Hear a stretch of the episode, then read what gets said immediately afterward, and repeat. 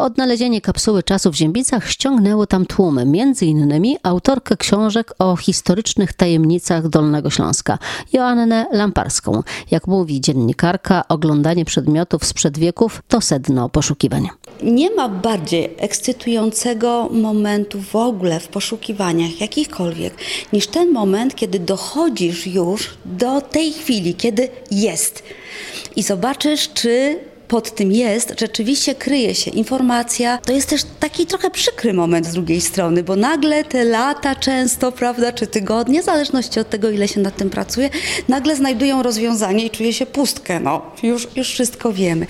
Więc y, tutaj jakby nie było ogromnych zaskoczeń. Natomiast to, że taka puszka przetrwała tak długo, że mogła zostać wcześniej y, zestrzelona, bo okazuje się, że na puszce były, znaczy na tym y, cokole na tym zwieńczeniu wieży były, y, były ślady po kulach, że ona mogła wcześniej po prostu przepaść. Tak jak mówi pani konserwator, są tysiące na Dolnym Śląsku miejsc, tysiące, w których te malutkie kapsuły czasu gdzieś są ukryte, słoiki, w których ludzie sobie dokumenty chowali, czy pieniążki, czy ubrania, w starych pałacach. Są nawet domy nieotwierane od 60 lat mieszkania i to też są kapsuły czasu. Dlatego fajnie, że można było coś takiego zobaczyć w momencie odkrywania tajemnicy.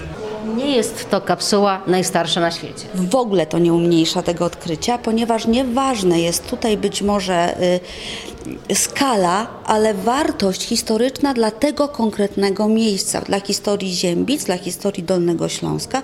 Będzie to w tej chwili oficjalnie jedna z najstarszych kapsuł czasu, ale również bardzo cenna, ponieważ my jeszcze nie wiemy, co naprawdę się okaże za chwilę.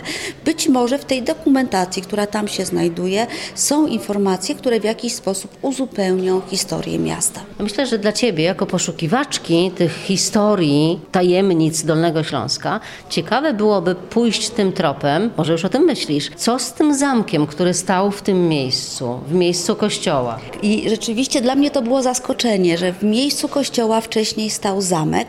My wiemy, że było tutaj księstwo ziębickie, wiemy, co się tutaj działo. Historia Ziębic jest nieprawdopodobnie ciekawa i też taka trochę mroczna.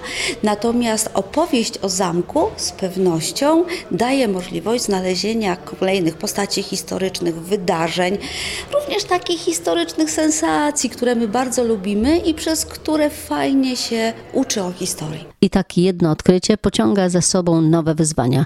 Do rozmowy wrócimy za kilka minut.